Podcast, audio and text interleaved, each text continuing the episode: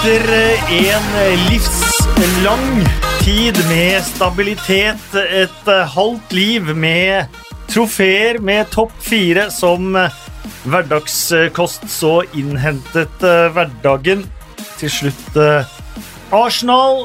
Arsen Arsene Wenger vant eh, til slutt eh, veldig lite. Han eh, forsvant. Inn kom Unai Emery, nå har han også forsvunnet, og Arsenal, hva skal de gjøre?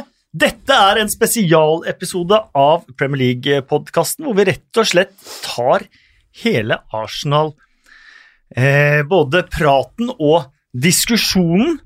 Og vi har jo satt sammen eh, på mange måter et eh, panel som en Arsenal-stall. Eh, ulik alder, dårlig balansert, eh, men mye offensiv kraft. Vi har eh, TV 2-journalist eh, Magnus Aare. Stemmer. Kan jeg bare si med en gang at det du nevnte med Wenger der, det sa jeg i alle år. Når han forsvinner, kommer vi til å angre på det. Han skulle fortsatt vært sjef. Ja, Genialt eh, at du klarte å si det. Det var ingen som kunne forutse at det kom til å bli vanskelig. liksom. Nei, alle skulle ha han ut, da. Så der ser du. Vi har også uh, Hans Christian Rangnes. Takk, takk. Velkommen. Og så har vi uh, Jonas Berg Johnsen. Hei, hei. Så vi har TV 2, NRK, vi har Discovery, eh, men her representerer alle seg selv og sitt syn. For i motsetning til meg, så er alle her Arsenal-supportere. Eh, jeg husker en tid da Arsenal og Norwich kjempet om ligamesterskapet. Eh, Vitna ikke så veldig mye om det på Carrow Road eh, søndag, kanskje. Nei, eh, det gjorde ikke det. Det er ny tid for eh, begge to, men 1988-89-sesongen, da var, var det Norwich og Arsenal det handlet om helt fram til februar-mars. Da kom Liverpool susende bakfra. Norwich sa takk for seg, kastet inn håndkleet. håndkle. Og Arsenal vant et av tidenes mest legendariske ligamesterskap, hvor de Michael Thomas avgjorde på overtid på It's up for grabs now! Yes, på Anfield. Eh, Norwich endte på fjerde den eh, sesongen. Eh, de møttes i helga. Da endte det 2-2 på Carrow Road. Og for å få en litt sånn myk start på det hele, skal vi kanskje bare ta to ord om, om kampen i, i helga. Hva syns vi? Framgang. Jeg, jeg er ofte enig med våre kollega Brede Hangeland, men veldig uenig i helga. Um, han peker i pausa på at folk jobber ikke bakover, bla, bla, bla. Uh, vi kan si komme mer inn på det etterpå, men jeg syns det var betydelig forbedring rent i forhold til de kampene som var i, for, i forkant, mot Southampton, mot Eintracht Frankfurt. Jeg syns det var en annen attitude. Vi begynte bra. Uh, ikke enig i det at ikke vi har nok folk eh, bakover. Det mener mer handler om at vi ikke har nok kvalitet i de spillerne som er der bak. At Mustafi alt ligger bakken, at David Louis er David Louis. Så jeg syns det var masse positivt å hente, og så blir du veldig bekymra over at du kan spille terningkast fire bra i første omgang, og terningkast én i andre omgang. Det er Skal litt med, vi skal ta med men, dette da eh, var første kamp til Freddy Jungberg, klubblegenden, som eh, caretaker-manager. Han fikk kjeft av Paul Scholes fordi å kappe på seg Ja. dress og slips. Det altså, var, det var sånn tegn på at han er eh, Nei, han er ingen god manager. Ja, tidenes skivebomuttalelse. Altså, nå har du da de tre beste managerne i Premier League som møter uten dress. Jo, men altså, altså- altså Pep Guardiola, Frank Lampard, som liksom blir hyllet nå av alle, ikke dress, eh, og, og Jørgen Klopp, ikke dress. Så Jeg det følte han prøvde Pep. Guardiola-stilen litt. At det var der han eksperimenterte litt inn, inn mot det. Pent kledd og kanskje litt kult. Han er jo modell, fyren. Ja, han. Eh, så- Han skulle jo stilt i truse fra Calvin Klein. That's it. Men når Paul Scholes, jeg så et bilde, når han tok over, hvem var det? Old, Oldham, ja. Oldham? Ja. Hadde på seg genser på første kamp. ja, og Så fikk han sparken etter hva da, tre uker, så Det der Paul Scholes, eh, det, vi bare legger han død med en gang. Men um, jeg syns også det var um, forbedringer, særlig i første gang som du er inne på, Magnus. Og ikke minst at man tar spillet høyere i banen.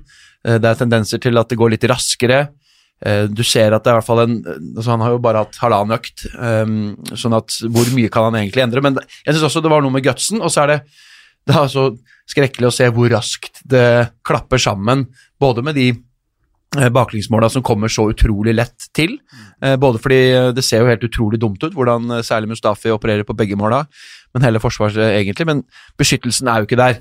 Og, og der er det noe fundamentalt som bare må gjøres. For det, det går jo an å spille angrepsfotball og samtidig ha en viss form for balanse og beskyttelse um, defensivt. Så, så der er det en svær jobb å gjøre, og det sier jo Ungberg etter kampen òg, at det er i hvert fall ganske enkelt å ta tak i disse tingene her. Eh, Det skal det være, i hvert fall. Og nå er i hvert fall kanskje sesongens vanskeligste kamp gjennomført også, men tøffeste motstanderen. Ja, ikke Sånn. Um, Nei, jeg også er veldig uenig med, med Hangeland. Altså, jeg syns det var mange gode løp. Jeg- Sju-åtte mann som jobba tilbake på I hvert fall i første omgang, som, som jobba tilbake. Det var, var mye bra. Det sto ikke på innstillingen for første gang i år, i hvert fall. Eh, Men, men så handler det vel om evne. Men det er noe skjørt Ja. over laget. At de, at de knekker såpass sammen i andre omgang, tror jeg har litt med det å at det er utrolig lite selvtillit i den gruppa der. Og Det er ikke sikkert at, eh, at Jungberg klarer å piske inn den på, på så kort tid, så jeg tror det har litt med saken å gjøre. Så Sånn sett kan man jo være kanskje fornøyd med at man uh, klarer å få med seg noe, da, men uh, med tanke på formen til Leicester og Chelsea, så er det jo uh, fryktinngytende hvor, hvor svær den avstanden begynner å bli opp, hvis man anser det som helt urealistisk å, å ta igjen City, og det, det gjør man jo. Så da- viste jo Chelsea svakhetstegn i helgen, de òg, da. Heldigvis. ja, samtidig Så- som de både var litt uheldige og rota seg kanskje litt vel mye bort til noe litt mye rotasjon, men ehm, de, de burde jo absolutt skåra først i den kampen, og da hadde de antageligvis vunnet lett. Så Mm. Ja, vi hadde jo eh, en eh, lang, lang, lang periode med Arsen eh, Wenger. Misnøyen kom jo da etter hvert også ligamesterskap. Det virket jo mer og mer som en fjern drøm. Han leverte fjerdeplasser, og han leverte etter hvert FA Cup-triumfer. Så leverte han jo ikke fjerdeplasser heller lenger, og så ble jo stemningen på Emirates Den ble fryktelig dårlig, og Wenger out. Eh, Gjengen ble større og større. Eh, Den ble vel til slutt så å si alle, bortsett fra Magnus eh, Orre. Men så trakk jo han seg, og det var et magisk og fint øyeblikk. Og han forlot klubben som en av de største managerne, kanskje den største manageren, gjennom, gjennom tidene. Så skulle man jo ansette en ny manager. og Det har vi sett, det så vi jo da med Everton, som hadde David Moyes i veldig lang tid. Eh, Vi så det med Manchester United, som hadde sir Alex Ferguson i helt umenneskelig lang tid, i 26 år, enda mye lenger enn Wenger. Eh, Disse klubbene her, de aner jo egentlig ikke hva de skal gjøre når de skal ansette manager, for de har jo aldri gjort det. Det er ingen i klubben som på en måte har den erfaringen med å ansette nytt. Og så ansatte man Unai Emery, en mann som Jeg ble fryktelig glad i Valencia eh, pga. fotballen de spilte, og da spilte de en helt ekstrem eh, kontringsfotball. Så jeg tenkte det passer Arsenal helt perfekt. Det ligger i Arsenal-kulturen. Eh, solid defensivt, masse hurtige, hurtige kontringer. Male klubber, eh, lag, egentlig i hjel med effektiv kontringsfotball. Eh, Unai Emery har jo gjort det veldig bra i Sevilla òg, litt eh, bob-bob i eh, PSG, men jeg tenkte uansett perfekt ansettelse for eh, Arsenal. Jeg kommenterte den aller første kampen hans hjemme mot Manchester City. Da så de ut akkurat sånn som de så ut under Arsene Wenger, men det var en åpningskamp, og det var mot Manchester City, og så gikk de vel 22 kamper uten tap etter hvert. Tapte mot. Chelsea neste kamp, og Ja, så startet den 22 runnen. kamper. Mm. Eh, flaks. Ja, det, det Ja, var, var nok mye resultater som gikk uh, veldig Arsenal sin vei, men Men det så ut som det var et eller annet der å, å bygge på. Men så begynte jo motgangen. Man kom til en europaligafinale, og egentlig etter den så begynte den der dårlige følelsen med Unai Emery å komme. kom den ikke lenge før? Litt før, det, da? ja. Ja, jeg syns det. Den kom- men bort. Men det var da kom til over, overflaten etter en elendig europaligafinale, kanskje. Men jeg ser på Magnus at han egentlig han vil skru klokka tilbake igjen til Wenger, han nå. Fordi han vil Ja, ha vi Wenger. Jeg han vil, han vil først ha Wenger ekstra. Vi, ja, vi kan ta litt, vi eh, kan ta litt den der rekka der. Det var litt sånn det jeg inviterte til. Å ta litt den rekka der, for det er en veldig spesiell situasjon Arsenal er i. Det er ikke mange klubber som, eller mange supportere som opplever å være i den situasjonen. og Jeg skjønner jo at man blir veldig revet. Eh, både Mm. emosjonelt, eller hjerte og hjerne på en måte river seg litt fra hverandre også, og så er det lett å tenke tilbake på det som var, da. Ja, altså jeg blir jo jeg, jeg blir jo veldig skuffa over Arsenal-fansen som gruppe, da, vil jeg, vil jeg jo bare si, bare for å lage fiender overalt der. Jeg så Trending in the UK på Twitter på søndag ettermiddag var Freddy out. Ja, det, er, Og da, da, begynner, det, det blir for dumt. da begynner du å lure, da. Men Det må ha vært ironisk. London. eh, Altså. poenget mitt er, jeg mener jo at um, som Wenger òg sjøl mener at um, perioden fra 2006 til 2013-14 var hans beste periode i Arsenal. Og så er mange sier ah, ingen trofé og fjerdeplass og bla, bla, bla. Men det er noe med forutsetninger som jeg ofte føler folk glemmer. da. At uh, alle storklubber har samme like forutsetninger. Samme som Arsenal-fans nå kommer eh, stikk til Porcino. Ah, du vant jo ingen trofé. Nei, men de har jo ikke samme forutsetninger som City, som Chelsea, som United, som Ja, til vi skal Liverpool og Arsenal òg, da. Så jeg mente at Wenger sin periode der var fantastisk. Så jeg er enig i at det blir en viss slitasje, vil jeg tippe. For du tar med også forutsetningen, så er det selvfølgelig stadionbytte og sånn også. Ja, altså alt sammen med økonomi viktig, og det ja. som du må reorientere hele klubben og altså. Selge de beste og tjene penger på spillersalg over så lang Ja, ja. tid videre. Jeg mener at det han gjorde de åtte-ni årene der, var helt i ypperste verdensklasse. Selv om folk kanskje syntes han begynte å gå lei, og vi Ja, det var Sesongen var ganske like, da. Men det syns jeg var fantastisk, og så velger du å sparke han, og så tenker du å hente Unai Emery. Jeg var veldig begeistra. Eh, åpenbart, beviselig en trener i, igjen i øverste verdensklasse. Um, og så og så er helt til spørsmålet mitt, da. Og det er ofte derfor kanskje folk føler at jeg er litt sånn sta og litt sånn kverulant for å være Ikke kverulant. føler at du er sta, da. Men, Men ja. poenget mitt er bare at når vi diskuterer fotball, og da tenker jeg ikke på Lillestrøm og, og Tom Nordli, som folk møter på gata og kan gå på treninger, men når vi diskuterer toppklubber i fotballverden, om det er Arsenal eller United eller PSG eller Real Madrid, så må alle innrømme at vi vet nesten ingenting om hva vi prater om. Klubbene er så avstengte for offentligheten. Eh, Jeg har aldri snakka med, med, med Freddy Jomberg. Jeg har aldri sett hvordan Unai Emery behandler spillerne sine. Jeg vet ikke hvor ufyselig jeg er på Jeg har faktisk Fortnite. når snakka han ikke er med. Freddy Jomberg Ja. eh, da han spilte for Seattle på La Manga. Jeg vil bare si at Han fremsto som en utrolig hyggelig, imøtekommende og sympatisk mann. Cool story. Men, så har jeg bare, så har jeg bare sk- skutt inn men, poenget, men mitt er bare at vi Nei, det er ikke arrogant eller stadion, Altså, nei. Ja. For å ta eksempel at uh, Mange pekte jo på når Jomberg fikk jobben nå, at uh, han er veldig godt likt av Arsenal-garderoben. Å oh, ja. Veit, vet vi det?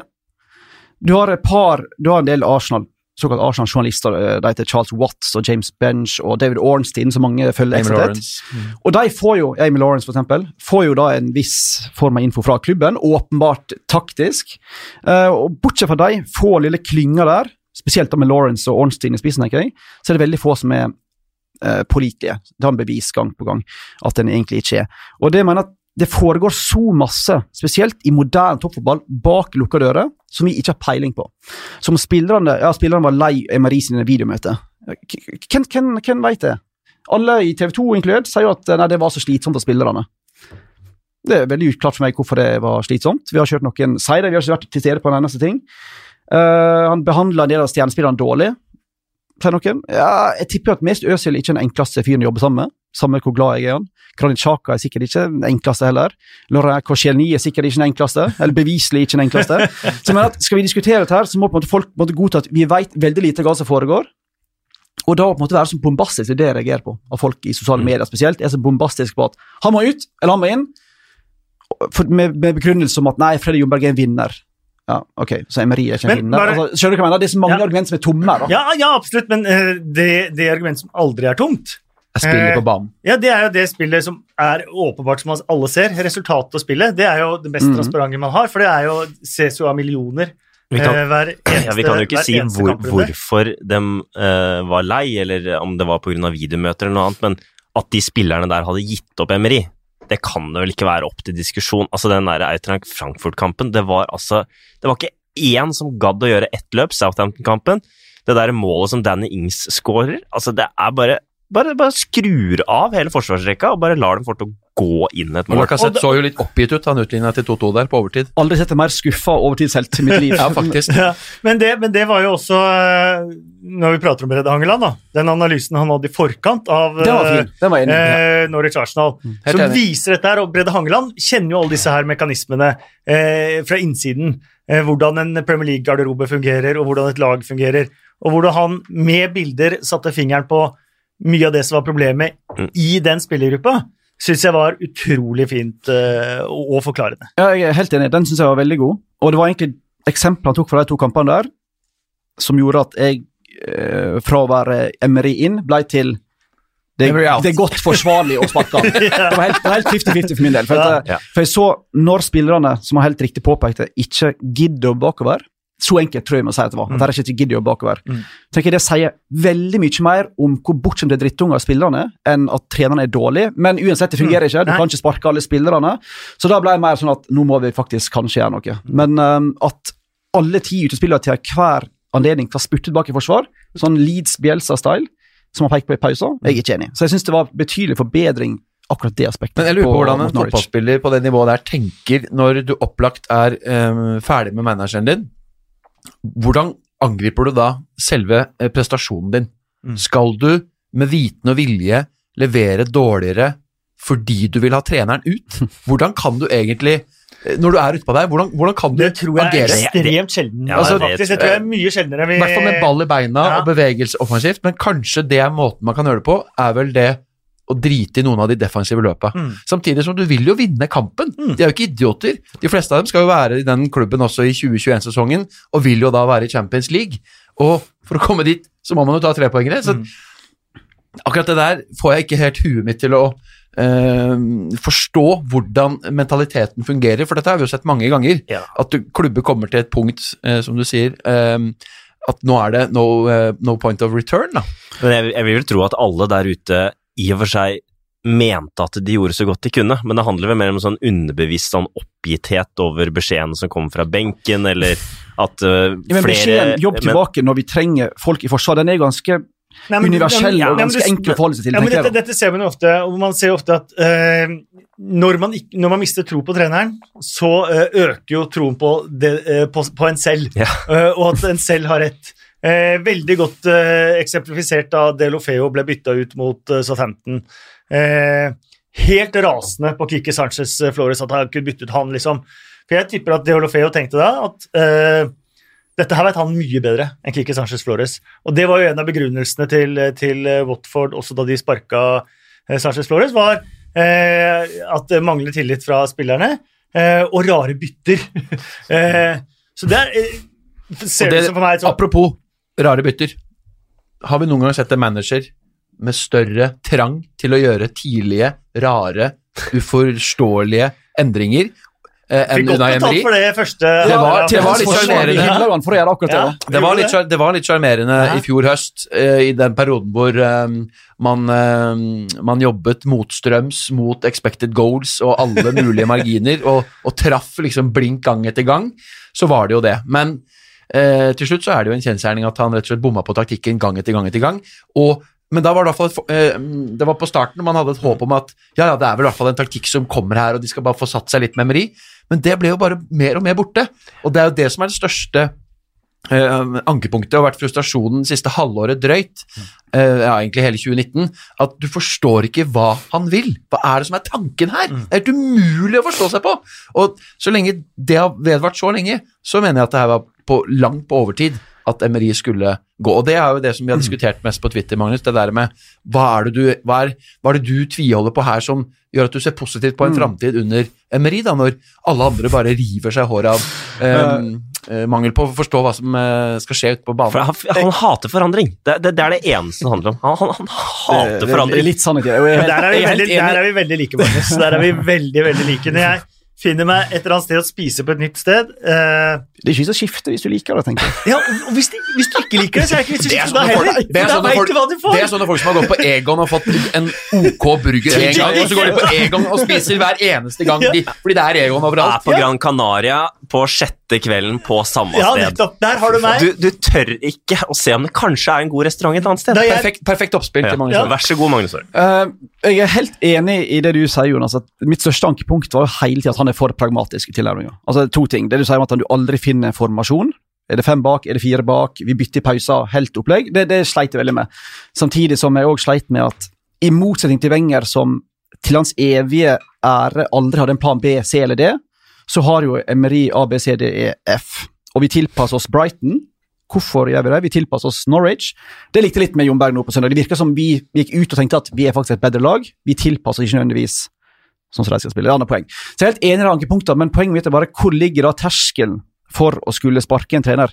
Med meg ligger den mye høyere enn mange andre, tror jeg, fordi det er kanskje litt mer prinsipielt enn det er spesifikt på Emery, men fordi det er så mange ting som påvirker hvordan et såpass ja, average pluss, skal vi si det, lag som Arsenal er nå, da, med tanke på at ja, Wenger går ut, selvfølgelig. Gazidis forsvinner rett etter å ansette han. Det er veldig store omskiftninger på du styrenivå. Er du inn? Han tror jeg er en god mann. Raoul Sanjé er sikkert, sikkert flink. Men det er veldig mange ting som skjer i den klubben, da. Og det er veldig mange ting som skjer med enkeltspillere. Og det er veldig mange ting som forstyrrer det jeg følte var en merkbar framgang første halvdel i fjor. Og spørsmålet er jo da Når er det da Emeris Når altså, blir løsninga å fjerne Emery? Når blir løsninga å fjerne en av verdens bedre managere med en som aldri har trent en fotballklubb før?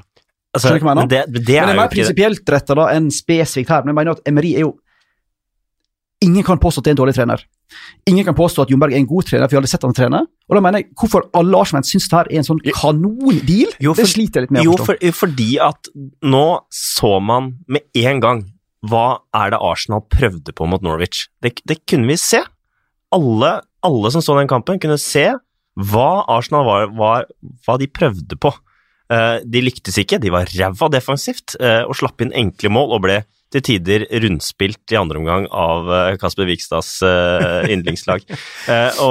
Men, men heller det. Altså, jeg, jeg ser heller på dette Jungberg-laget. Ja, han er fersk, han kan kanskje altfor lite, og, og blir sikkert ikke noe Jeg tror ikke det er han som kommer til å ta over Arsenal på sikt, men, men jeg vil heller ha det. Jeg vil heller ha den grunntanken om sånn vil vi fremstå som klubb. For det var aldri ty tydelig med Emery. I hvert fall ikke Skal ikke vi ta med også første halvår. en annen som satt på benken her? Det var Per Mertesaker, eh, som visstnok da fått veldig mye honnør for den jobben han har, eh, han har gjort i den korte tiden han har hatt den, eh, den jobben. Mye synging både til Freddy Jungberg og Per Mertesaker i spesielt eh, første omgangen. Eh, og så er det jo to, selv om veldig lite hovedtrenererfaring på, på det nivået på Freddy Jungberg, så har han jo vært i trenerteamet.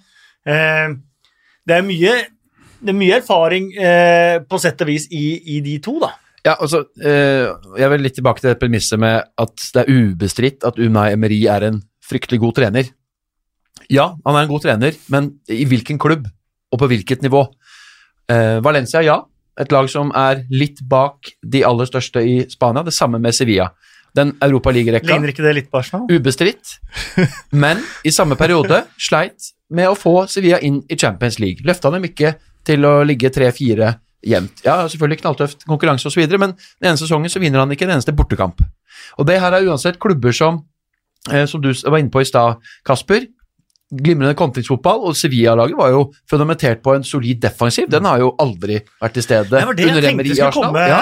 Nemri. Og- Jeg venta på det. Men det premisset med at Arsenal Ja, ja, det ligger på en måte til tid Du kan si det i DNA fra litt i gamle dager at solid defensiv og gode på kantringer. Men se på den stallen vi har nå, og se hvordan man har spilt under Wenger de siste eh, 20 åra. Eh, så lenge man ikke har de defensive fiberne Altså, det er Kolasinac, David Louis og Mustafi som spiller i forsvar, og Chambers. Chambers som er ute av posisjon. Hvordan skal den fireren på en måte være stabil og trygg og god og er strukturert, legge- uten noen foran seg? David Louis var jo god i Chelsea i fjor, men da har du Kanté og Orginio foran. Ja. Det er noe helt annet. Ja, for du må, legge, du, du må legge til at Gundiosi er- og Sjaka som skal dekke opp for den fireren i Ja, tillegg. så Derfor var jeg litt overraska at ikke han kjørte Torreira og bare sa ok, du er vår eh, jordfreser, du skal ligge dypt. Ferdig snakka. Beskytte den porøse, hjelpeløse backfirerne vi tross alt har nå. Så enkelt som det. Men Gundosi har jo noe av det i seg, men er jo for offensiv og, og mister huet, og som Hangeland viser med eh, indianerpresset sitt av og til og sånn. Så han har ikke den um, uh, disiplinen som skal til. Og så, um, Emery kommer til PSG, blir henta til en større klubb hvor han skal um, forventes å ta det laget videre med et vanvittig offensivt arsenal. Vinner selvfølgelig her. Eh, liga, men, men, men kollapser jo fullstendig i eh, Champions League, særlig med den Barcelona hvor de altså, Som PSG har gjort i etterkant òg, da. ja da, ja da, og det sier jeg ikke bare er hans feil, men jeg mener at det er tegn i det han gjør i PSG, som tyder på at han ikke er eh, rett mann for et lag som skal ha mye ball, som skal løfte spillet til motstanders banehalvdel, osv. Det er Jeg sier ikke at han er eh, verdens beste trener, men dere som er så resultatorientert, da. Ja, Hva er men greia med det? Men uansett, Nei, det, eh, Ja, nei, det, det viktigste for meg har vis nesten egentlig vært trener som har vunnet flere store trofeer i de, i den største europeiske ligaen de siste fem-seks åra. Nei, men altså, jeg, jeg er helt enig med, jeg er helt er enig med deg på kritikken til, til Arsenal-fans. Uh, nå, nå vil jeg også legge til at jeg tror den, den hashtaggen den ble startet ironisk, eh, og det var grunnen til at den Ja, trenda. Ja da, Eh, eh, og, og jeg vil gjerne legge meg på den kritikken om at Arsenal-fans er, i hvert fall blant de største fanbasene, en av de dårligste. Ja, For vi er så ekstremt reaksjonære, og den derre Jeg tok et sånn lite innlegg på Twitter om det, for jeg syns at vi er så voldsomt sutrete, og det har jeg tatt meg selv i mange ganger, men vi sutrer og sutrer, altså sutra før start med Norwich om at dette var helt håpløst Emry lag og bla, bla, bla. bla, bla. Så, så det vil jeg støtte på det året. Men eh, jeg kan støtte en trener som jeg ser at jeg har veldig tro på det han prøver å få til. Jeg vil gjerne understreke det, fordi at det, det var så tydelig at ingen, det var ingen som forsto, verken spilleren på banen eller eh, de som var eh, i studio, eller oss fans som forsto hva det var han prøvde på. Skal vi begynne å se litt uh, framover? For det jo en, uh, det kom jo en uh, ny tid for, uh, for Arsenal, Arsenal, nå. Det skal enten være Jungberg en stund til, eller så skal det komme inn en ny manager, eller skal det være Jungberg til sommeren, og så kommer det en ny manager, eller skal det bli Jungberg? Uh, de har vel en, uh, lagd en uh, såkalt uh, shortlist, Igjen, som er long, lo, en long list. Le lekkasjer og greier, men jeg er bekymra over alle navnene som lekker ut. Altså. Jeg Ja, synes for det, er, det er mange. Det står det står tolv navn på den. Eh, Ja, Sier hvem? Si, om- altså, ja, har du vært i notatblokka til Raoul Saneli? Ja, han sier at jeg ikke har kontakter. Jeg, jeg, jeg, jeg har de på hurtig kan, kan, kan, ikke, kan ikke vi gå eh, Eh, gjennom den lista ja, kjapt, da, hvis for- vi har den? Ja, for jeg tenkte jeg, Og dette diskuterte jeg litt med Magnus på kontoret før um, Før uh, Før Emery fikk sparken, eh, og før Mourinho ble ansatt i, eh, i Tottenham, at jeg tenkte Mourinho. Eh, Jeg er at- veldig glad det ikke ble Ja, det kan jeg eh, si. Og nå skal jeg bare begrunne det, og det er at eh, i det Arsenal har man nå det siste, ja, i hvert fall siden 2005, så har det vært de samme tingene man har pekt på hver eneste sesong, hvert eneste overgangsvindu. Én sterk leder på midtbanen, ett defensivt anker, to forsvarsspillere, så er vi der, så har vi et mesterskapslag. Hver eneste sesong, og hver eneste sesong så er det de samme problemene som dukker opp igjen.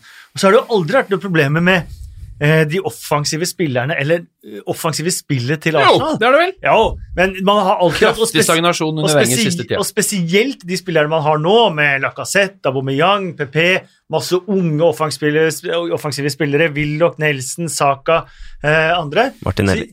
Jeg, Martinelli, ikke minst. Så jeg tenkte at hvis du får inn en manager som eh, Mourinho, som alle sier sånn, nei, det- det passer ikke klubbprofilen og sånt nå, så kunne han ordna det som har vært det største problemet, og så fortsatt kunne spillerne utfolde seg offensivt. Hva sa Orre Alle de offensive. Han var uenig.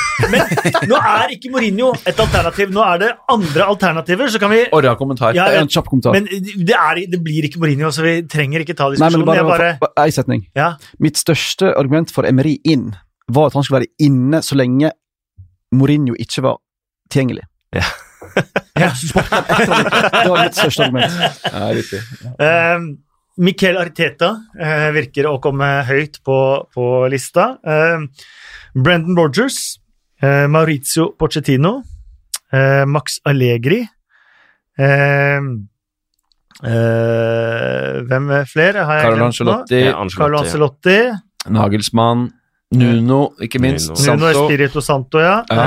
Eh, du har um, Men jeg tror vel egentlig det holder med å si de, Ten Hag. de, de navnene der. Altså, de, Ten Hag kan vel ikke være veldig sannsynlig Nei, hvorfor jeg driver folk jeg, vi, Hvorfor ikke? Hvorfor er ikke Arsenal i stand til å hente manager fra Ajax? Det er det jo, jeg har hørt flere Ja, er liksom, enig, Ja. mot det. Det er klart, Hvis det er sånn at Real Madrid eh, eller Barcelona eller noe sånt sitter med mm, ledig trenerstol til sommeren, og at Bayern München allerede nå begynner å posisjonere seg for å hente han til sommeren, for han har vært veldig tydelig på at han skal fullføre året i, i Amsterdam, og det er jo for, uh, greit, men da skjønner jeg at vi kan bli uh, yeah. kasta av banen, men det, da begynner det å skurre alvorlig for meg hvis ikke Arsenal fotballklubb kan hente manageren til Ajax. Ja, Men nå skal dere få diskutere, men uh, jeg skal bare komme med mitt, uh, min mening først. Eh, og jeg mener at Brennan Brunches, eh, hvis det er mulig, må være det eh, soleklart eh, beste valget. Eh, med tanke på ikke foran Ten med, Hag. med med tanke på å utvikle et, eh, et lag eh, fra bånn. Og Arsenal, for meg, må stikke fingeren litt i, i jordet. Jeg skjønner at det er greit å,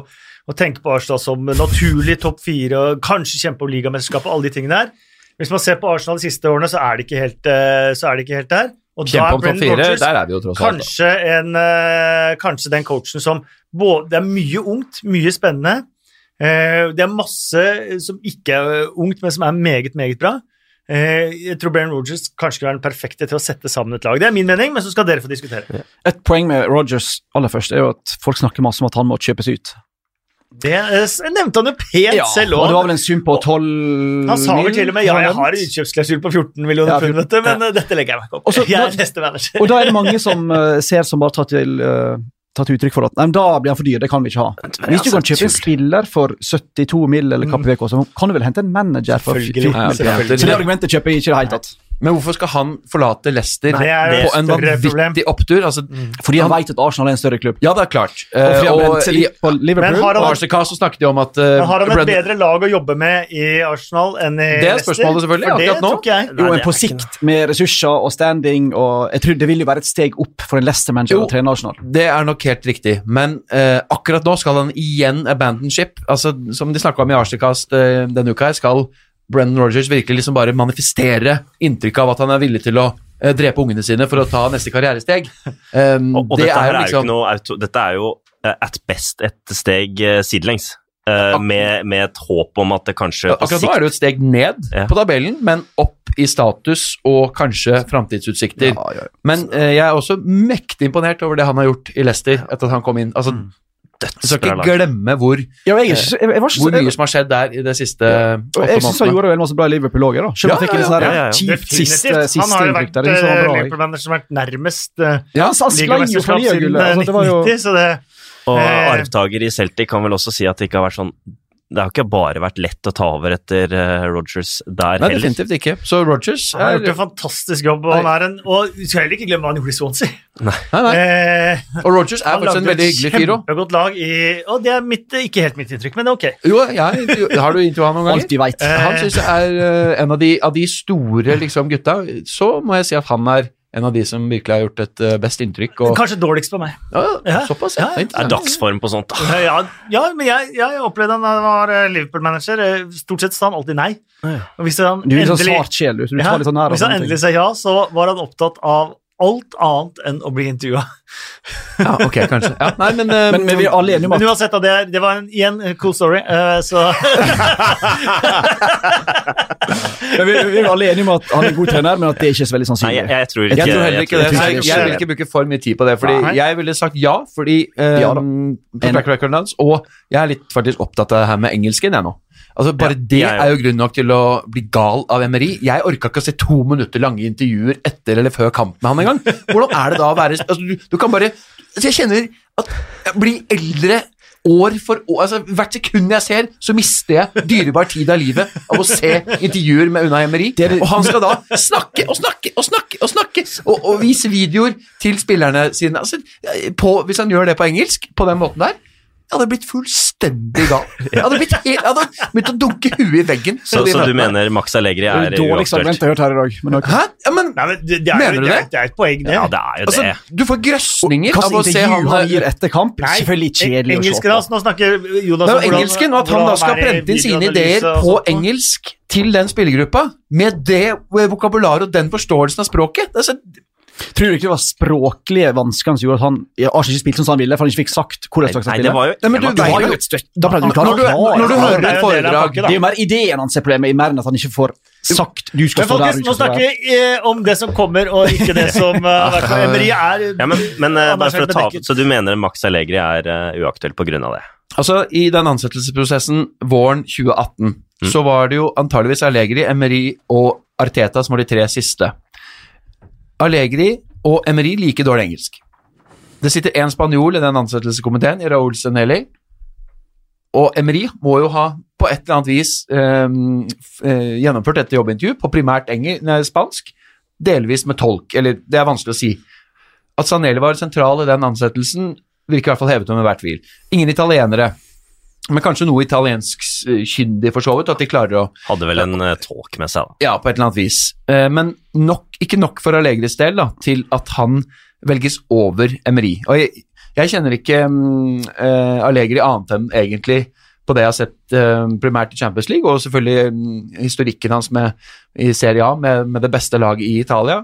Og den ser jo pen ut, men jeg, jeg vet det er et eller annet der som skurrer litt for meg. Hvorfor har han ikke fått en gått videre til en ny toppjobb i en av de andre klubbene i, i, på kontinentet ganske raskt. Altså, det er et eller annet som um, skulle vi tatt en Som- kjapp runde på hver av oss som så kunne sagt litt der. Ja, men ikke sant. Og så er det da Arteta som er sistemann inne, og det, og det ville jo vært en gambling den gangen, og det vil jo antageligvis være en gambling nå. Men Arsenals historie med å ansette manager har jo vært litt gambling. Som har Ja, ja, gitt suksess, da. ikke sant? Wenger, selvfølgelig. Ja. Uh, men trekk det tilbake. George Graham kom fra Millwall. uh, det er jo en helt annen tid, osv. Men eh, jeg tror at man kan tørre å gamble og prøve. Hørte på en annen podkast at noen mente at Herbert Chapman også var en gambling i, på, på den tiden, men det vet jeg ingenting om. Hvordan, hva vet de om ansettelsesprosessene på 30-tallet? Ja. Um, så eh, for meg så er dette med språk Jeg syns det er litt viktig nå. Og um, at det er en type som har en klar, klar filosofi og idé om hvordan det skal gjennomføres, og kanskje også da litt status i Arsenal, er viktigere enn en lang track record som med titler og disse tingene som du snakker litt om, Magnus. For det tror jeg veier mer uh, hos meg enn uh, en CV denne gangen. Men jeg tror vi glemmer et par navn her, da. Har vi snakket om Porcettino? kom ikke Ja. Pochettino. Har vi snakket om Ancelotti? Eh, Nevnte Porcettino. Ja, eh. Patrick Vieira. Ja, Vieira har gjort det såpass svakt med NIS, og virker som såpass begrensa rent sånn Det gikk ganske bra i USA, vel? Da foreslår jeg Thierry Henry, altså. Ja, det på det nivået. Så, ja, Arsenal-DNA, akkurat som det betyr noe. Men Jungberg er i samme Ja, det er det jeg mener. Skål som det er er. Heller. Jungberg, Mertesacker, Arteta og Vieira enn Henri, da. Henri Ja. er jo nederst på alle Men jeg mener jeg syns Arteta representerer en, en litt mindre gambling enn Jon da. Du har gått i best, beste skolen, Ja, ja, åpenbart. ja, ja. Han var en Men- kaptein i Arsenal som var enkel ja, Apropos språk altså det var jo, Ekstremt undervurdert spiller. Ja, det var noe Men får, jeg- får jeg bare et, et Ja, lite ord om Arteta? Han fre, og og det kan godt hende at dette er helt uvesentlig, men for meg så fremstår han introvert. Jeg tror han fremsto fremstår relativt introvert som spiller, og og i hvert fall på benken ved siden av Pep Guardiola. Så sitter han med det der klippbordet på, på fanget og Det tror jeg er litt hans rolle, da. Ja, definitivt, Eh, men han må ta en, da en helt annen rolle som, som manager. Kan det telle men men husk, ja, han var temmelig introvert på banen, jeg er litt enig i det, men han var kaptein med stor K i den Arsenal-garderoben Ja, i en tøff absolutt. periode hvor det begynte å blåse bra rundt Wenger, og hadde en vanvittig standing i den kom- garderoben, sammen ja. med Per Mertesaker, de to viktigste i den perioden fra eh, sommeren 11, da deadline day, den kaosdagen hvor eh, de kom inn etter Ja, 2-8-tapet. det kom mange historier om at eh, når det liksom var masse diskusjoner i Arsenal-garderoben, og Arteta reiste seg opp, så var det, da var det stille. Alle hørte på ham, så at han kommer til å komme inn med en pondus der, er det vel ingen tvil om. Men, men det det ikke blir snakket så mye om, er jo at han må jo bygge opp eh, en hel stab eh, når han kommer inn. Altså når man ansetter en Mourinho, ansetter eh, en Angelotti, Ancelotti, så kommer det jo ikke bare personen Ancelotti, det kommer en hel stab rundt. Og det var jo angivelig hovedargumentet mot han Ja. i 2018. Det er han hadde ikke klart en med. stab, men det tenker jeg må jo gå an å løse. Men eh, Pochettino hadde jeg tatt sju dager i veka, Ja, men han tror jeg er altfor sympatisk og lojal til å Ja, gå til Arsenal. jeg tror faktisk på han når han sier Ja da. Ikke Barca, ikke Tottenham. Og som han gi fra seg ikke, ikke, ikke eh, en var det 12,5 millioner pund. Det kunne jo Arsenal Eh, betalt ut igjen, da. hvis han tar, tar, over lønn, en, eh, jo- tar over en klubb nå. Ja. Men han har sagt ja til, og så Ancelotti har jeg alltid hatt veldig sansen for. Og hvis det er kunne godt så tenkt meg Angelotti et par år nå. kaotisk og krisestemning i Napoli, som det sies, så jeg tar gjerne imot Ancelotti, både på tanke på at han sannsynligvis vil berolige folk som vil vekk, type Aubameyang, Lacassette, Mm. kanskje en Øzil, og spille fin fotball. En verdig fyr, i motsetning til Mourinho, som er en, en baby. Eh, og ja, åpenbart CV-en. Han kunne jeg tatt uh, Enig. sju Ja, dager jeg, jeg også hadde hadde tatt, uh, tatt uh, Ancelotti, ingen tvil. Men hva tenker dere om Den hellige ånd, da? Er det noe dere ville hatt inn uh, i, i Arsenal? Altså Nuno Esprit. Sånn tok dere virkelig ikke det? Du vet at navnet hans er Men- Nuno Den hellige ånd? Ja.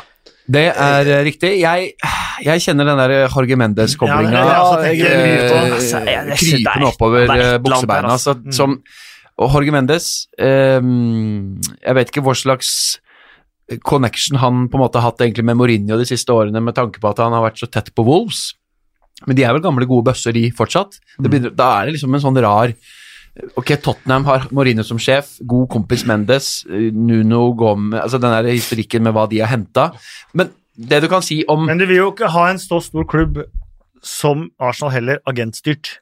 Absolutt ikke. det det er det viktigste argumentet der. Absolutt ikke. Eh, men hva han har fått til på banen med 14,5 spillere i Wolves og klarer å manøvrere den høsten her også, veldig imponerende. Han klarer å stable midtbane med ikke så løpssterke typer som Neves og Moutinho, og det ser jo utrolig strukturelt, og det er korte avstander, og det er eh, veldig solid, da. det er kjempeimponerende. Men eh, Jeg Får liksom ikke gåsehud av Nuno Espirito Santo. Jeg gjør ikke det, altså. Det hadde vært spennende å se hva han gjør. Det hende han kjempedyktig, men um, jeg tror det er ingen Arsenal-fans der ute som sitter og tenker, håper på Nuno. Det er det nok, men Tror du han eh, Ja, det er nok- aller første klient?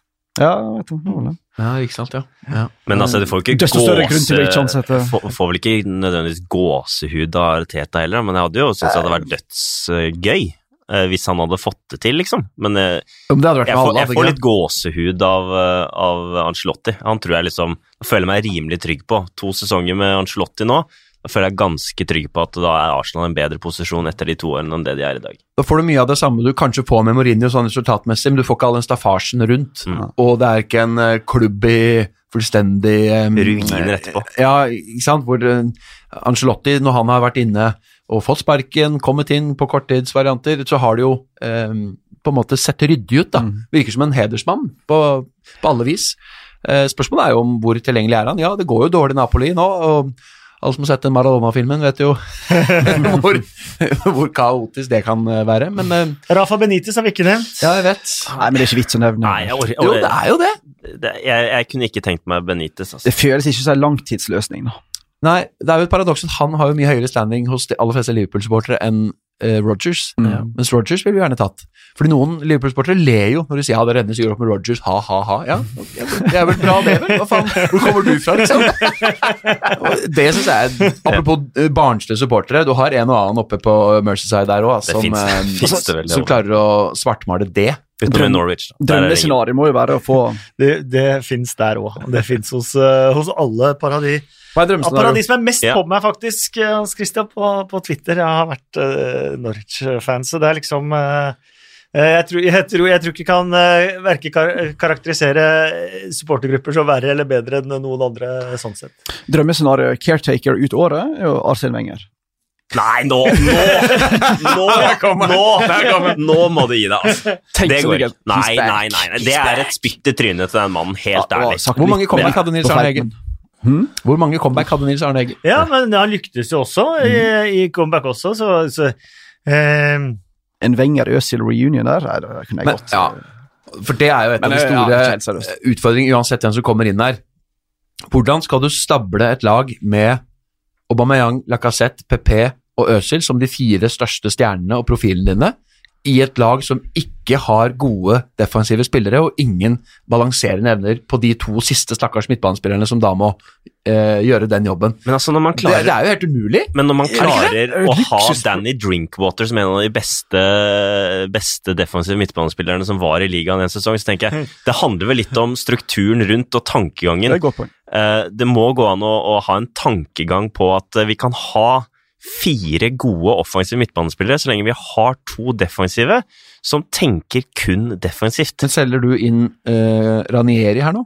Jeg, jeg selger inn Danny Drinkwater. Men, men det Leicester-laget, ja, de hadde Drinkwater og det- sentralt, og så hadde du Mares som løp som et piska skinn, og enten en Albrighton eller noe sånn uh, Ja, men jeg sier, at jeg, jeg sier ikke at det går an å, å få det like bra. Jeg bare sier at uh, hvis man Men det er, ikke, det er liksom ikke sammenlignbart, fordi de hadde jo spillere som jobba på en helt annen måte, og ja, ja, det hadde selvfølgelig hjulpet å fått inn eh, ja, Kanté og Jorginho, Men em, hadde- bak de fire. Men jeg ville- tror fortsatt ikke det hadde vært nok, Nei, jeg tror, også, jeg tror du trenger det presset på topp. ja, Eh, Og det får du ikke i god nok grad med de fire. Nei, der, og det ser vi jo på Manchester City. De har gjort eh, eh, Guardiola vraka jo først uh, Aguero, Uh, men så har han jo eh, rett og slett forandra Aguero til å bli en annen spiller. Du ser Liverpool, som også lykkes, så har de tre spillere på topp som alle gjør alle er nede på eget cornerflagg hvis, eh, hvis det er det som kreves, eh, kreves av de. Jo, men Er ikke det da per Ja. definisjon trenbart?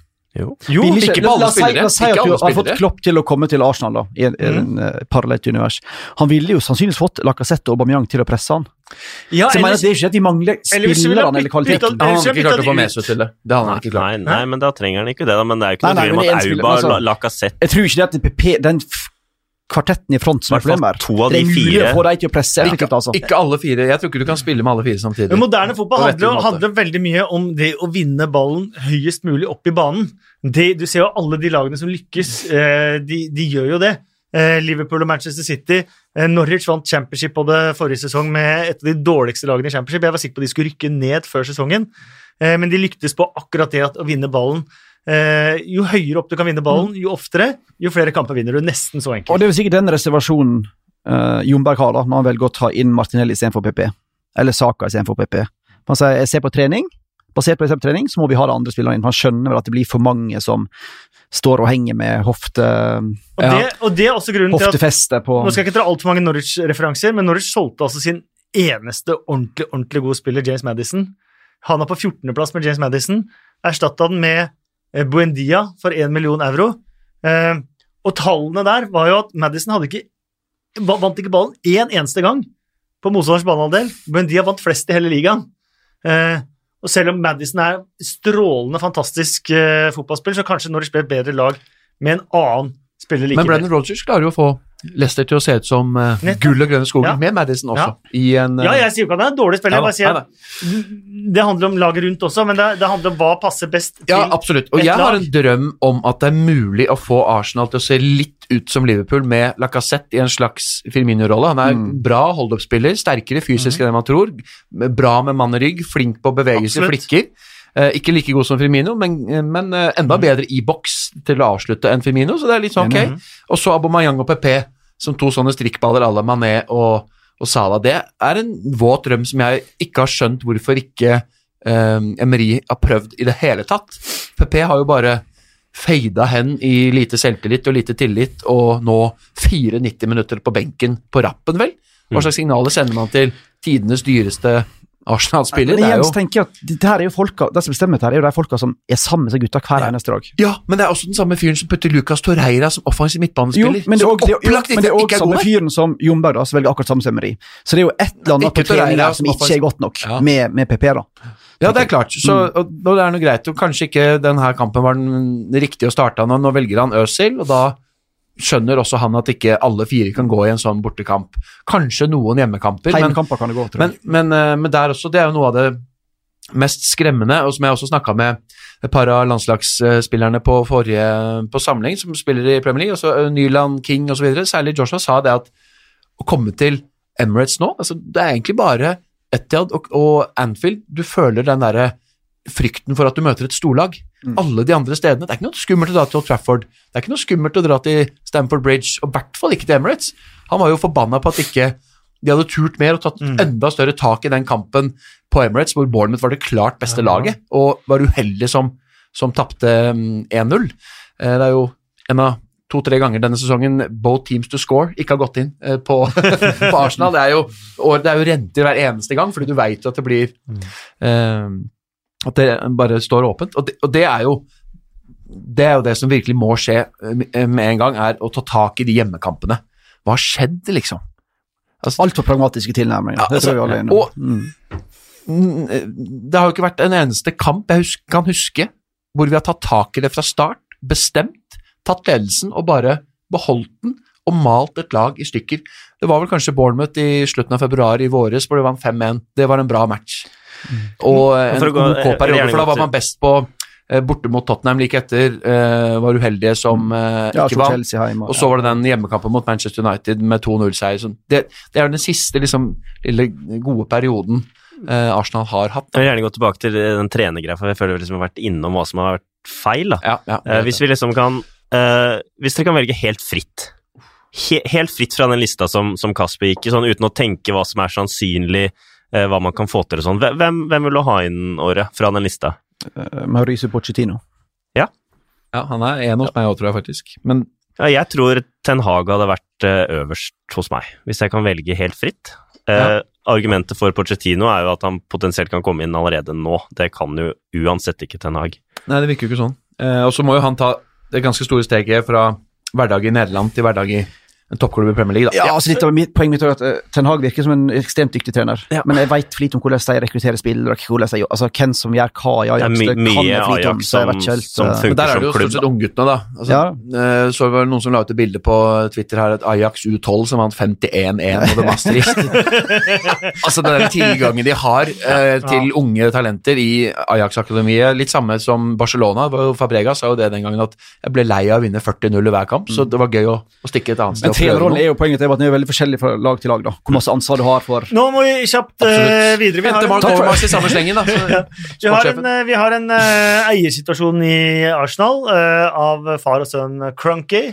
Eh, kan bare noen forklare helt kjapt hva deres rolle er? Hva de gjør nå med tanke på både sparking og rekruttering av ny manager. Sønn Cronky var vel i London. Ove overvar en eh, trening, passet på at smilene var tilbake. Det så vi jo på Bernt Leno på intervjuet før matchen mot Norwich, at der Ja, det var var sprudlende og smilende. Han kunne bekrefte det at smilene var tilbake her. Men Josh Cronky orker i hvert fall å sitte kampene ut når det er minusgrader. da. Ja, Ja. men eh, Det gjør ikke kan noen forklare bare hva, hva Nei, det går far ikke og an. Hvis du, har, sønn en- hvis gjør, du, hvis du mener på en halvtime, så kan jeg forklare det til deg, men, men det virker som det er Helt kjapt? Ja, han ja. Eh, Det virker som det er sønn da, som ta, nå har mer eller mindre full, full kontroll på klubben. Eh, og av mitt inntrykk er, så, så bryr han seg i hvert fall. Eh, det virker som han har i hvert fall et ønske om å få til en god klubb, mens far er mer sånn ah, Nei, nå skal jeg sitte på ranchen min, jeg orker ikke sitte her i kulda, liksom. Eh, så, Jeg tror det er litt forskjellige måter å styre idrettsklubber i, i USA og fast, altså Europa. Da. Men det virker som om familien et tre-fire år seint kanskje tok et hint i vår med at Josh Crunky er mer til stede. Han er på uh, han var på kamp noen år siden, mot Norwich. Jo. Altså, liksom han er, og gir flere intervjuer. Virker de har skjønt at vi må åpne litt her. For det, jo, det holder jo ikke mål. Det holder Men, rett og slett eh, ikke mål. men de har også kjøpt ut småaksjonærene i, i Arsenal. De har gjort mye Ja. som på mange måter, ikke, bortsett fra sportslåset også er eh, litt ondskapsfullt og veldig upopulært. Og så kjøpte du vel også en del aksjer fra han russeren, hva heter han? Ustjugov? Usmanov, mener jeg. Ustjugov, tror jeg. Ja, det er russisk, utenriks... Langrennsløperen er tungt investert i. Han- han må men eh, det var jo en maktkamp der mellom to Det, det var jo om eh, pest og kolera. Mm. Uh, Usmanov-historien uh, og, eh, og eh, Cronky. Cronky har vært helt forferdelig eier for Arsenal. Mm. Det eneste positive med han er jo at han har holdt seg unna den daglige driften Mm. og det sportslige.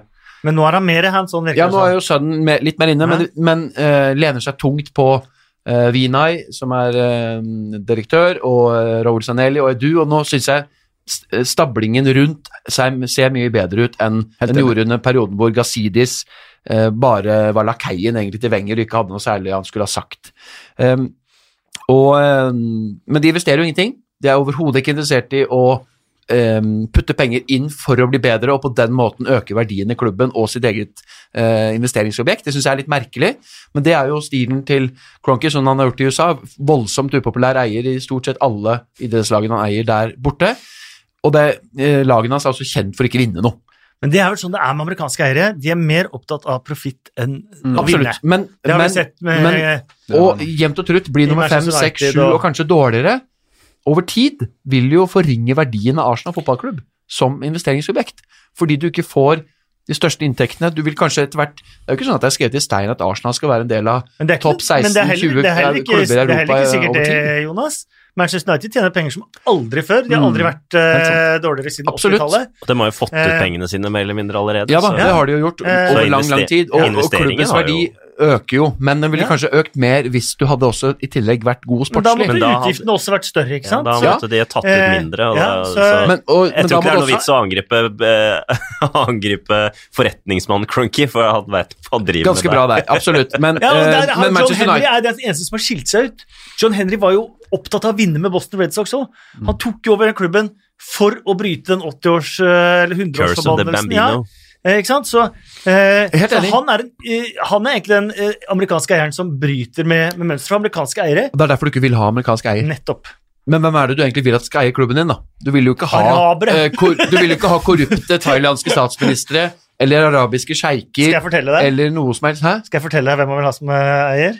Hun dama i Norwich. Det er en uh, koselig TV-kokk uten altfor mye penger, og der hvor klubben må tjene pengene sine selv Yes. og utvikle sine Ja egne. Det syns jeg er veldig veldig fint med klubben. jeg Måtte det vært tidligere fotballspillere, da, så Beckham-gjengen og sånn, er vel uh, ikke det verste du kan ha som eier. Nei, kanskje, Men- men, uh, Ja, men Min største frykt da, altså både trener og økonomisk, er at Arsenal blir en ny sånn United-variant. Der du ansetter høyt kvalifiserte trenere, og ikke så kvalifiserte trenere, på å sparke dem på en lav sko. Mm. Er det noe som heter det? Sparke på en lav sko? Over en lav sko. over. Over en lav sko, ikke på en lav sko. Al altså, du går fra, fra, fra verre til verre, og det trener en hver gang som må ut, samtidig som du har eiere som ikke er interessert, og amerikanske. Altså, det er derfor jeg er litt livredd for at Arsenal skal bevege seg inn i den der eh, Og kvitte seg med kvalifiserte managere.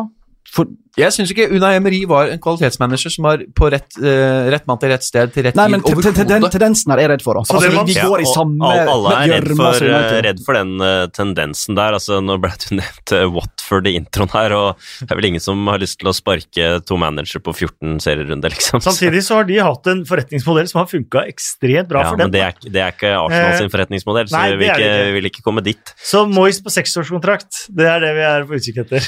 Ja, Det går vel an å finne en men, men, men, der, eh, men det er ingen tvil nå om at den sportslige ledelsen som er i klubben, er eh, oppe til eksamen de luxe. De bomma på forrige ansettelse.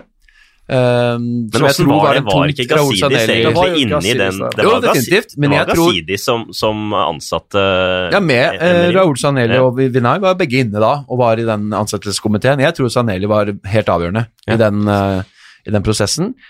Og, og det gikk jo rykter om at de ville forlenge at Raoul ville forlenge kontrakten med Meri i sommer. Sommer.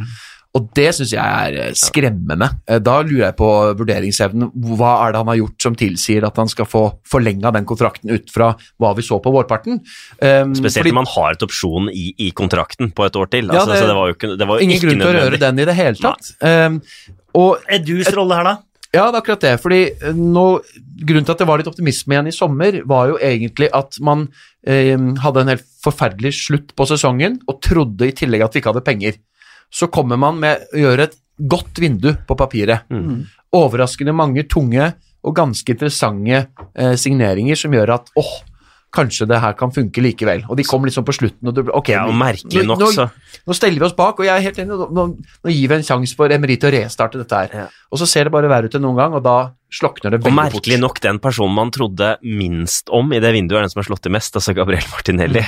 Eh, men jeg, jeg også var kjempe, kjempefornøyd med vinduet. Tenkte at eh, nå har vi fått inn liksom Tierney, vi har fått inn Ok, Louise er jo ikke verdens beste Han, stopper, han men var god i Chelsea Jeg i fjor, jeg. mil, så Jeg- det kjentes ut som en skup. jeg, ja. jeg følte at det, det må jo være kjempesignering til den prisen, og han er i hvert fall ikke noe dårligere enn det vi hadde, tenkte jeg, og det mener jeg jo fortsatt. Mm -hmm. uh, så jeg syns jo Arsenal gjorde et kjempegodt vindu, og så bare ja, den sesongen her Jeg tror jeg ledelsen skjønte at det var ganske nærme en god sesong i fjor. da.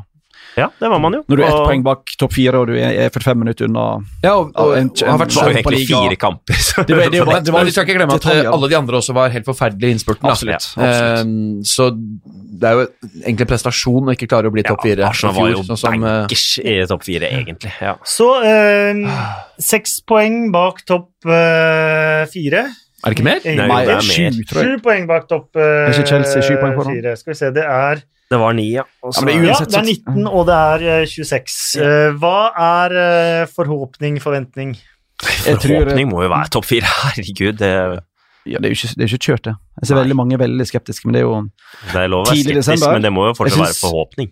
Chelsea ser jo bra ut, men det er ikke et bunnsolid byggverk ennå. Leicester ser bra ut. Det er jo på ingen måte et Jeg ser for meg at mange av de lagene over oss kommer til å få tøffe perioder. da. Mm. Og hvis det først klikker, hvis vi først klarer å finne ut av midtbanekonstellasjonen i Arsenal, så tror jeg det er såpass mange gode ingredienser at det veldig fort blir veldig bra. da. Det er jeg enig i, og jeg syns jo, i motsetning til en del andre som jeg diskuterte med, at den stallen til Arsenal er veldig spennende, talentfull, Ja. interessant. altså Det er så mange elementer her. Ja, ja, kanskje det mangler fortsatt en sånn kanonstopper. Vi kan drømme at Saliba blir det fra sommeren av. Skal ikke glemme at han kommer, som en av de positive uh, tingene fra sommeren. Vi må sommer. hente han i januar på en eller annen måte. Ja, kanskje det. Vet jo at han er god? Ja, Vi vet jo ikke det, men vi, vi drømmer. Vi drømmer. Vi Arsenal-fans er dritgode på, på å se, se, se sammendragsklipp. Men, men, det, men, men det, det skremmende er jo at um, eh, Arsenal denne høsten står med 4-7-3, Mm. og det er mye flere poeng enn hva vi har fortjent. Ja. Det er mange Det er skummelt, flere poeng altså. enn hva vi har fortjent. Og det er samme Ja. som En ganske grei bortekamp mot Newcastle i serieåpningen. Ok. Den er strukturell og grei. Vi vinner den. Så elendig hjemmekamp mot Burnley. Heldig som vinner. Tap mot Liverpool. Mot Tottenham. Burde vi vunnet. Ja, det Ja, burde vi faktisk. Det er den beste perioden i denne sesongen i ligaen. Er de minuttene Andre- fra vi lå under 0-2 Mm. til henta 2-2. Og så kunne du jo tapt det på slutten igjen, da, når Son eh, slipper Jo, sløs men jeg de følte på var kontringen. bedre lag enn Tottenham. Ja, enig. var det? Greit. Underbetalt her. Watford borte, 2-2. Helt grusom kamp. Da Fortjente å tape. Ja, vi. Hjemme mot Villa. snudde det til 3-2. Fortjente egentlig ikke en dritt. Hadde Villa Jo, men der òg får du et ufrent rødt kort etter en halvtime. Altså, det var jo jeg Ja, det er fighter, i hvert fall. Ja, jeg føler ikke det var et Så ran. en eh, temmelig svak bortekamp mot et svakt Manchester United. Uavgjort. Taper elendig på Bramall Lane. Hjemme mot Palace. Shocking. 2-2. Ja, da, men Det er da nå, skal det vi ikke virkelig gå inn, nå skal vi ikke gå inn på VAR, Altså- da, men det der annulleringen der er Jo da, jo da, Det er men, skandaløst. men greia er at jeg syns at vi eh, har fått bra betalt da, ut fra Ja, vi spill og det. sjanser og prestasjon. Et poeng for mye i helga, i hvert fall. Um, Så det er mye Så du skal liksom snu den der òg, da. Det er Ja. ikke bare det at uh, du har hatt eh, Nei, jeg det er, som men jeg syns det er litt rart at uh, sånn som Arteta ikke har blitt sagt som en person som han, Det må jo være positivt for han å kunne gå inn og ta over en caretaker-rolle ut sesongen og bevise at han er god nok. Altså Alle setter jo spørsmålstegn ved om han han har ikke noe erfaring. Hvor- Hvorfor, hvorfor kan ikke han være en person som kan gå inn sammen med Jungberg, Mertesaker nå, bevise at han er en manager for fremtiden, og så kan han ta en caretaker-rolle, istedenfor at det er en gamble å gå for eh, Arteta over tre, fire, fem år, men det må da være en morsom Men er han interessert i det? ja, Nei, jeg, jeg syns det er rart at han ikke er interessert. sesongen-varianter. Inn da Freddy Kungberg, like gammel cirka, skal inn liksom som Og Arteta skal passe veldig godt på sin første managerjobb, altså fordi mm. det kan definere hans videre karriere som manager hvis han har store ambisjoner. Men jeg registrerer da også at Sheffield United, nyopprykkede, har også 4-7-3 eh, på de eh, 14 første, også bak eh, Wolverhampton. Men tapt færre kamper enn Chelsea, faktisk. Ja. Eh, Men Chelsea har jo svingt veldig, da. til eh, i morgen så er det Brighton hjemme. Eh, jeg så Brighton på nært hold på lørdag. Eh, de hadde definitivt fortjent spillemessig og fått med seg noe fra Anfield. De er- Eh, de var rågode etter de første, første kvarter 20 minuttene ble de kjørt over. Etter det var de eh, fullt på høyde med Liverpool på Anfield. Brighton hjemme høres ut som kanskje den enkleste kampen man har hele sesongen, men eh, Vi har, vi har allerede hatt Southampton hjemme og det, altså. vi, altså. Så ja.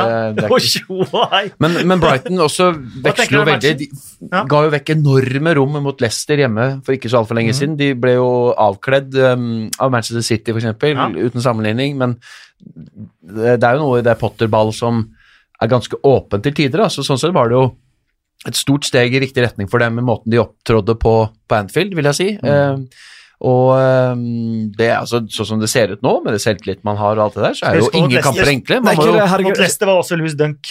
Er ikke 50-50 Stemmer han stemmer sier, det. ja? Ja. Er 50-50 alle sier for tida? Jo, det er, det er mye 50. Ja, kamper man vinner med 35 mål. Men jeg vil jo berømme Brighton for å faktisk eh, gi en kontrakt i 2025 eh, til Graham Potter. Det syns jeg er kult. Ja, er det Altså, det er Yes. Det syns jeg bare er dumt. Ja, men- men det syns jeg er kult. Det, er, I eh, motsetning til Watford. det var vel Jeg tror ikke det fantes én såkalt ekspert, såkalt forstår seg på, som ikke hadde Brighton på 20.-plass på tabelltipset denne sesongen. Den jobben han har gjort så langt, ekstremt imponerende. Han har tatt med seg en del av de Østersund teambuildingsvariantene. Han har mye rare greier der som tydeligvis eh, funker, da. Og så har han det er, det er mange gode fotballspillere der. Ja, og Ja, altså, jeg er langt for overbevist om at vi vinner den kampen der. Altså. Ingen Jeg er Nei, spent er det- er én ting Arsenal har slitt mot i 25 år, så er det godt organiserte lag. I 25 år. Det var da voldsomt. Altså, det var en periode der eh, da vi virkelig var gode, hvor jeg håpa at ikke vi scora tidlig hjemme mot Fulham og Charlton og Bolton, fordi da var liksom kampen avgjort i den derre Ok, jeg gikk inn i en Arsenal-fan som overdrev litt. da. 2000 til to, altså, men, de- men, år, da. eh, sånn som nå, da, eh, så, møter man, eh, så møter man Brighton hjemme. Fred Jungberg, Per Mertesaker. Eh, og så har man Westham borte, eh, og så har man Manchester City hjemme. Og så blir det blytungt. Ja. Dette er jo kamper som antageligvis da vil definere om det blir Freddy Jungberg eh, eller ikke ut sesongen, eller om det blir Freddy Jungberg permanent eller ikke. Eh, hva er på en måte som må til for at eh, man virkelig hopper på Freddy Jungberg-toget, og hva er det som ikke må til for at man tenker shit, her må vi gjøre noe kjapt? Det er jo resultater. Det er jo, det er jo ja, men resultater. Hvor er ligger lista på de resultatene bortover her? Nei, altså jeg tenker at, eh, at eh, det blir jo litt sånn Får man Solskjær-hype over dette med Freddy Jungberg i tabellen, så, så, så blir det bra. Men, men eh, det er jo vanskelig å si et eh, antall poeng. Men man bør jo i hvert fall få med seg fire fra de to neste, fordi at det blir blytungt i jula. altså. Ja, tenker, Med, med Chelsea og, og Man United eh, helt på slutten av året og 1. januar. Jeg skal forresten på den kampen. Så Jeg, jeg tror fem poeng på disse tre kampene tror jeg de er happy med. Ja. At du slår Brighton, Uavgjort hjemme mot City lever jeg godt med. Uavgjort, det er bort mot Westham, sant? Ja. Det er, ja, det er òg um, Fire poeng fra de kampene. Nei, fem. Fem? Ja. Ja. Og så skal man jo bort mot Standard. Liège i tillegg, og da må plutselig må man spille litt uh... Åh, man, man, man, man, man trenger jo Det skal jo Man går jo videre fra den gruppa. Jo, det er Vi vi må jo tape på, med fire mål. Vi må tape med fire mål borte mot uh, Standard Liège for å rykke ut. Så Jo, vi er jo eksperter på å gjøre akkurat det der, at du må kjempe til siste kamp når du kan avgjøre det.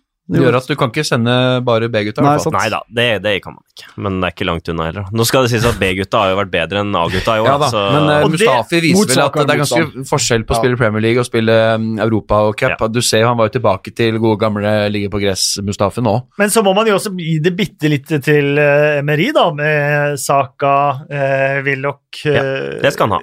Martinelli, absolutt. Martinelli, som, har, som han har brukt uh, Gendosi. Jeg lar meg alltid imponere over managere som er under press på resultater og sin egen jobb, som likevel tør eh, å bruke unggutter, selv om de vet at de kanskje kunne hatt større sjanse på å redde jobben på å gjøre noe. Men hadde det kanskje vært et system og en, en måte å spille på som hadde vært forståelig for noen, så hadde de vært enda bedre? Kan man, kan man tenke sånn? Kan man tenke sånn? Ja, han, skal, han, skal ha, han skal ha kreditt for at han, for at han satser på, på de unge gutta. Altså, han har fått til mye med, med mange der, og, og fremtiden til Arsenal ser jo sånn sett ganske bra ut, i hvert fall offensivt. Men, eh, Men vi, vi klarer jo ikke å få fram defensive talenter. Da. Så er vi tilbake på det. Trenger en leder for midtbanen, trenger en for forsvarsspillere, og så er man eh, Skal vi si at det stort sett var, ja. var det, folkens. Vi kan avslutte da med en kjapp runde på eh, bare hva man håper og hva man tenker eh, skjer de neste ukene og halvåret, både med tenke på resultater og eh, man, ny manager. Ok, Jeg håper på resultat. Nei, Jeg håper jo at det går bedre. da. Eh, og så, og så Men hva ser du for deg På det neste, både på kort og lang sikt? at Jomberg går tilbake til assistenttrener under en Angelotti.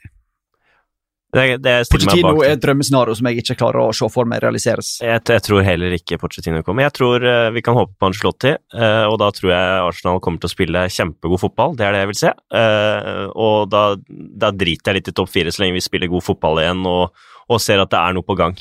Smilene tilbake. Smilene Ja, tilbake. Topp fire er viktig, da.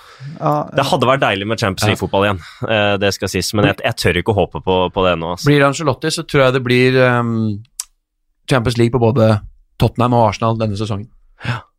God Det jeg. spådom. Jeg tror faktisk det. Um, om ikke annet, uh, om den kampen om fjerdeplass blir tredje-fjerde blir tøff, så um, er også Ancelotti en type som kan grinde ut en, en tittel i Europa, i Europaligaen. Uh, som de absolutt ikke- er umulig. Og det trenger ikke være god før ut i mars. Så Nei, det er god tid før vi kan redde Jo, men du kan faktisk redde den på slutten av sesongen. Ja.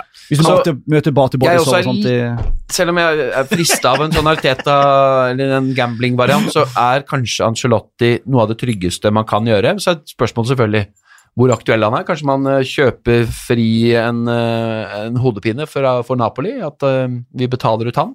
Litt samme som Skeid, som nå får betalt, kanskje, for å eh, bli kvitt Tom Nordli. Eh, så eh, kan det være en eh, god løsning for begge parter potensielt. Eh, samtidig som Ancelotti har jo stått da i en knalltøff jobb, en av de eh, mest vriene i hele fotballverden, mm. en god stund nå, og altså, jeg skjønner ikke at de gutta må bli så slitne. Pochettino Men meldte to uker. det er. Det er, helt, det, er, det er for meg helt ubegripelig. At de orker. Ja, det er sant. Men jeg vil jo si at et, jeg håper selvfølgelig på bedre resultat, og så tror jeg sterkt på det òg. For jeg mener, sier det igjen, det er så mange gode ingredienser der, at hvis du bare finner ut av midtbanekonstellasjonen, så vil det der bli bedre. Det- Hvis du klarer å få lag til å henge sammen i én del istedenfor tre. Ja. Det, det kan ikke være så vanskelig hvis du bare klarer å få Sebajo skadefri, og så bare skjønne hvem som er hva på midten der. Ja, Sebajo har jeg nesten glemt. Det sier- det sier ja, ja. Okay. Ok. Du, eh, Jonas, det var hyggelig å ha deg her.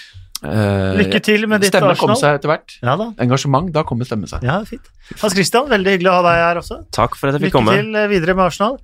Og så vet jeg ikke om noen har lagt merke til det, men uh, de siste halvåret så har jo Magnus lagt til seg Emery-sveisen, ser jeg, så, så jeg Fin, altså.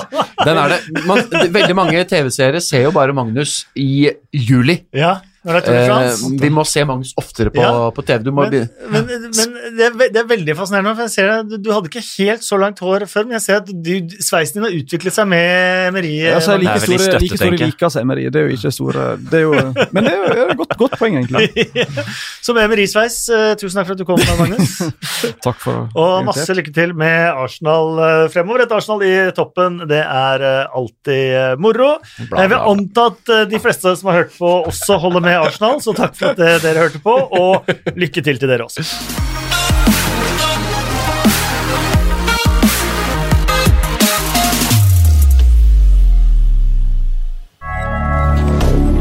Moderne media.